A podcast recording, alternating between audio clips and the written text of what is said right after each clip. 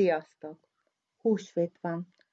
A mai mesémben nem Jézus haláláról és feltámadásáról akarok nektek beszélni, hanem inkább arról, mi mindent jelent nekem ez az ünnep, és mit jelent Jézus halála és feltámadása. A húsvéti ünnepnapok nekem az élet hullámvasutát szimbolizálják. A mélypontokat és a csúcsokat, a veszteségeket és a nyereségeket, a múlandóságot és az újjászületést, és ezzel kapcsolatos fájdalmat és boldogságot. A nagypéntek Jézus keresztre feszítése azokat a napokat, életszakaszokat juttatják az eszembe, amikor valamit elvesztettem, valami végleg véget ért, valaki elment az életemből, ami, aki az életem része volt, boldogságot, örömet hozott. Sokszor mindaddig nem is tudatosítjuk igazán az értéküket. A mindennapi örömök, boldog pillanatok természetessé válnak. A kedves üzenetek, figyelmességek, az, hogy bármikor meglátogathatjuk, megölelhetjük a szüleinket, esténként mesét olvashatunk a gyermekünknek, minden reggel bemehetünk munkába, hogy friss kenyér van az asztalunkon, ez mind megszokottá válik, és igazi értékét csak akkor fedezzük fel újra, ha valami miatt elveszítjük őket. Mindnyájunk életében voltak, vannak és lesznek kisebb-nagyobb veszteségek, mélypontok, amikor az, ami kedves, örömet hozott, végérvényesen megszűnik életünk része lenni. Ezeket szoktam életem húsvét péntekjeinek nevezni. Aztán jönnek a húsvét szombatok, a gyásznapjai. Fájdalmunkban nem látjuk a kiutat, úgy érezzük, mindennek vége. Elsiratjuk a múltat, az örömet, a boldogságot, haragszunk magunkra, másokra, a sorsra, bűnbakot keresünk, végigzongorázzuk a mi lett volna, ha. És el kell jutnunk a mélypontra ahhoz, hogy elrugaszkodhassunk. Mert a gyásznak, a szomorúságnak, a kétségbeesésnek is van ideje és tartama. És elérve a mélypontot, az a csodálatos életigenlés, ami velünk született, beindítja a gyógyító folyamatokat, és mi elrugaszkodunk, újjászületünk. Feltámad bennünk a remény, az életigenlés, az újrakezdés iránti vágy. Ezek mindennapjaink húsvét hétfői.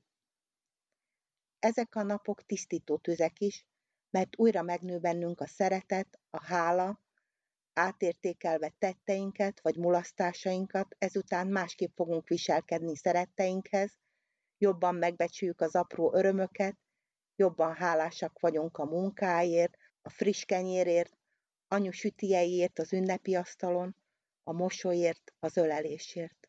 Az újrakezdésekben ott van a tanulás lehetősége, az újdonság izgalma, a nagyobb tolerancia, a szeretet és az öröm.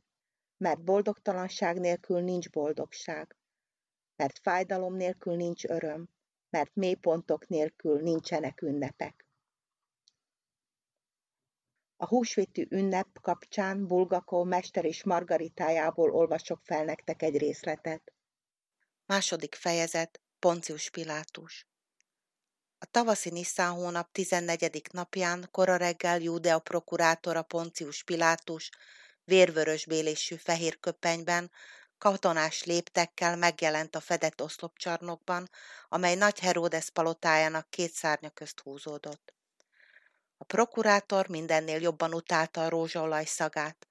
A megvirradó nap nem sok jót ígért, mert ez az illat hajnalóta üldözte.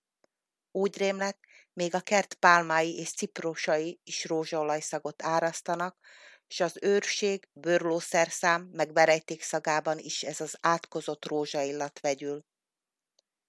Istenek, Istenek, miért büntettek engem? Igen, semmi kétség. Ez megint ez a leküzdhetetlen, szörnyű betegség, a migrén. A féloldalas főfájás, nincs ellene orvosság. Nincs ellene orvosszer, nincs tőle menekvés. Legjobb, ha meg sem mozdítom a fejem.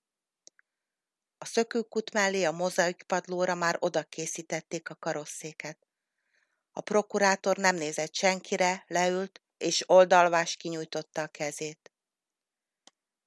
Vezessék elém a vádlottat, szólt halkan. és két légionárius a kert mélyéből abban a nyomban felvezetett az oszlopcsarnokba egy 27 éves forma férfit, és odaállította a prokurátor karosszék elé. Ócska, szakadozott, világoskék tógát viselt a fiatal férfi. Feje be volt kötve, a fehér kötés bőrszív fogta a homloka körül, és keze össze volt kötözve a hátán. Bal szem alatt nagykék folt sötét lett, szája sarkában seb, merre rászaradt az alvat vér. Riad kíváncsisággal tekintett a prokurátorra. Le akartad rombolni a templomot, és erre tüzelted a népet. A rab megélénkült. Szeme már nem árulkodott félelemről, görögül válaszolt. Soha életembe, Hégemon, nem akartam lerombolni a templomot, és senkit sem uszítottam erre az értelmetlen cselekedetre. Zavaros szemmel nézett a rabra. Jó ideig hallgatott, és gyötrelmesen próbált rá visszaemlékezni, miért is áll előtte ez az ütésektől eltorzult arcú fogoly a kérlelhetetlen jeruzsálemi napsütésben, és még hány fölösleges kérdés kell neki föltennie. De valamit mégis szóltál a templomról a népnek. A válaszoló hangja Pilátus halántékát hasogatta, kimondhatatlanul fájt, és ez a hang azt mondta. Arról beszéltem, Hégemón, hogy az óhit temploma összeomlik, és felépül az igazság új temploma. Azért mondtam így, hogy jobban megértsék. És miért uszítottad a népet a piacon, te csavargó? Miért beszéltél neki az igazságról, amelyről fogalmat sincs? Mi az igazság? Istenek, gondolta magában e közben a helytartó. Olyasmit kérdezek, ami egyáltalán nem tartozik a dologhoz. Az agyam cserben hagy. És újra megjelent előtte a sötét folyadékkal teli serleg. Mérget, ide azt a mérget. És újra meghallotta azt a hangot. Az igazság mindenek előtt az, hogy te néked Hégemon fáj a fejed. Annyira fáj, hogy kisítően már a halára gondolsz. Nincs erőd, hogy velem beszélj, még az is nehezedre esik, hogy rám tekints. Így most akaratlanul is a hóhérod vagyok, és ezt mód felett sajnálom. Jóformán gondolkodni sem tudsz, csak arról ábrándozol, hogy oda jöjjön hozzád a kutyád, mert úgy látszik, ez az egyetlen élőlény, amelyhez ragaszkodol. De kínjaid nem sokára véget érnek. A főfájás elmúlik. Ekkor reketten, elfulló hangon megszólalt a prokurátor latinul. Oldozzátok fel a kezét. A kísérő legionárisok egyike a földre dobbantotta kopjáját, átadta egyik társának, aztán odament és leoldozta a kötelet a rab kezéről. A titkár fölvette a földről a tekercset, és elhatározta, hogy egyelőre nem ír fel semmit, és semmin sem lepődik meg. Vald meg, kérdezte Pilátus halkan görögül. Ugye te nagy gyógyító, vagy orvos vagy? Nem, prokurátor, nem vagyok orvos, válaszolta a rab, és élvezettel dörzsölgette fájó, dagat, kivörösödött csuklóját. Pilátus sandán gyanakodva furta bele tekintetét a fogolyéba, és szemében már nyoma sem volt a homálynak, felvillant benne a mindenki által jól ismert cikra. Meg sem kérdeztelek, talán bizony latinul is tudsz? Tudok, válaszolta a rab. Pilátus sárgás arca megpirosodott, s most latinra fordította a szót. Honnét tudtad, hogy a kutyát akartam hívni? Mi sem egyszerű, felelte a rab. Kezedet végighúztad a levegőn. Sarab megismételte Pilátus mozdulatát, mintha meg akarnád simogatni, és az ajkad? Értem, mondta Pilátus. Egy ideig hallgattak, aztán Pilátus megismételte a kérdést ezúttal görögül. Tehát orvos vagy, ugye? Nem, nem, tiltakozott a rab. Hidd el, nem vagyok orvos.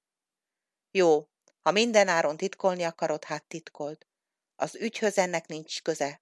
Azt állított tehát, hogy nem uszítottad a népet, hogy rombolják le, vagy égessék fel, vagy valamely más módon pusztítsák el a templomot? Ismétlem, Hégemon. Senkit sem uszítottam semmi effélére. Talán gyenge látszom? Ó, nem. Nem látszol gyenge válaszolta halkan a prokurátor, és elmosolyodott furcsa, ijesztő mosolyjal.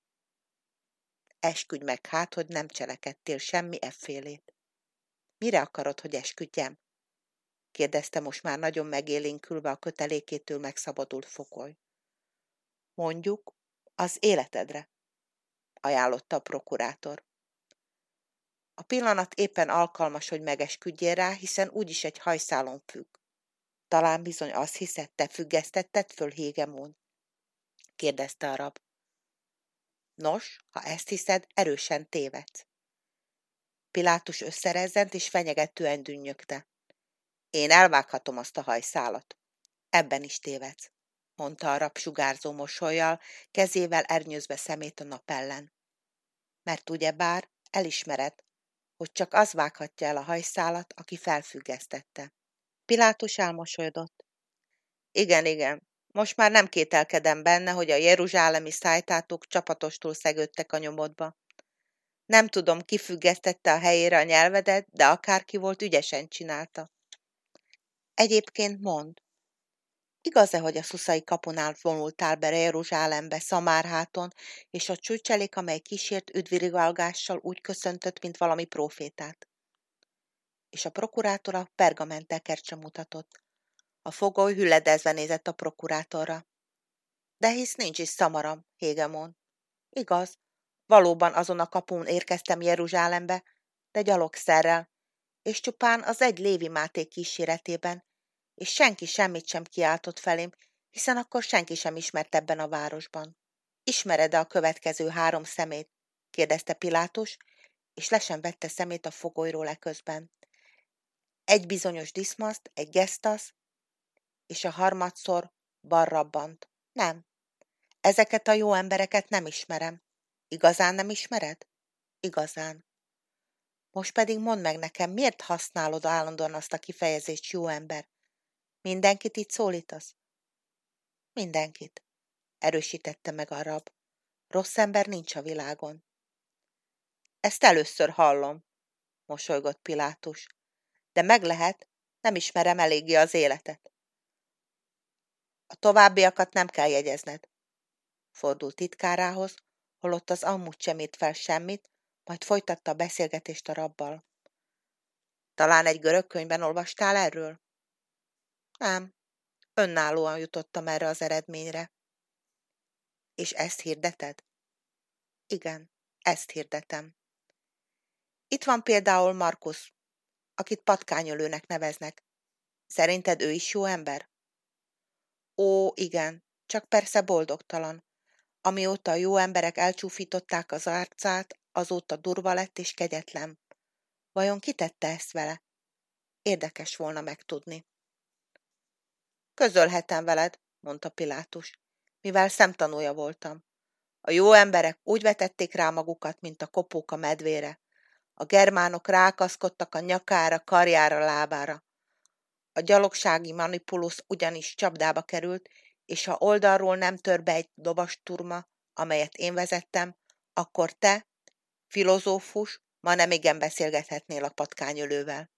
Ha beszélgethetnék vele, bizonyára erősen megváltozna, mondta ábrándosan a fogoly. Azt hiszem, nem nagy örömet szereznél a légió parancsnokának, ha beszélgetést akarnál kezdeményezni a tiszteivel vagy katonáival. Erre egyébként szerencsére nem is lesz alkalmad, és erről legelső sorban jó magam fogok gondoskodni. Az oszlopcsarnokba ekkor berepült egy fecske. Körtírte az aranyozott menyezet alatt, majd leereszkedett hegyes szárnyával meglegyintette az egyik fülkében álló bronzszobor arcát, aztán eltűnt az egyik oszlopfő mögött. Talán ott akart fészket rakni. Mi alatt a fecske röptét figyelte, a prokurátor fejében, melyet immár tisztának, könnyűnek érzett, a következő formula alakult ki. A Hégemon felülvizsgálta a Jeszua nevű vándorfilozófus ügyét, és benne bűnt nem talált. Kiváltképpen nyomát sem lelte semmiféle összefüggésnek nevezett egyéni tettei és a közelmúltban Jeruzsálemben történő zavargások között. A vándorfilozófus elmebetegnek találtatott, minek következtében a Hégemon nem hagyja jóvá a kis Sanhedrin által hozott halálos ítéletet. Jézu a hóbortos, utopisztikus beszédei nyugtalanságot okozhatnak Jeruzsálembe, a helytartó kiutasítja őt a városból, és száműzi a földközi tenger partján lévő Stratonisba, vagyis éppenséggel oda, ahol ő maga a prokurátor székel. Már csak az volt hátra, hogy ezt a határozatot tolba mondja titkárának.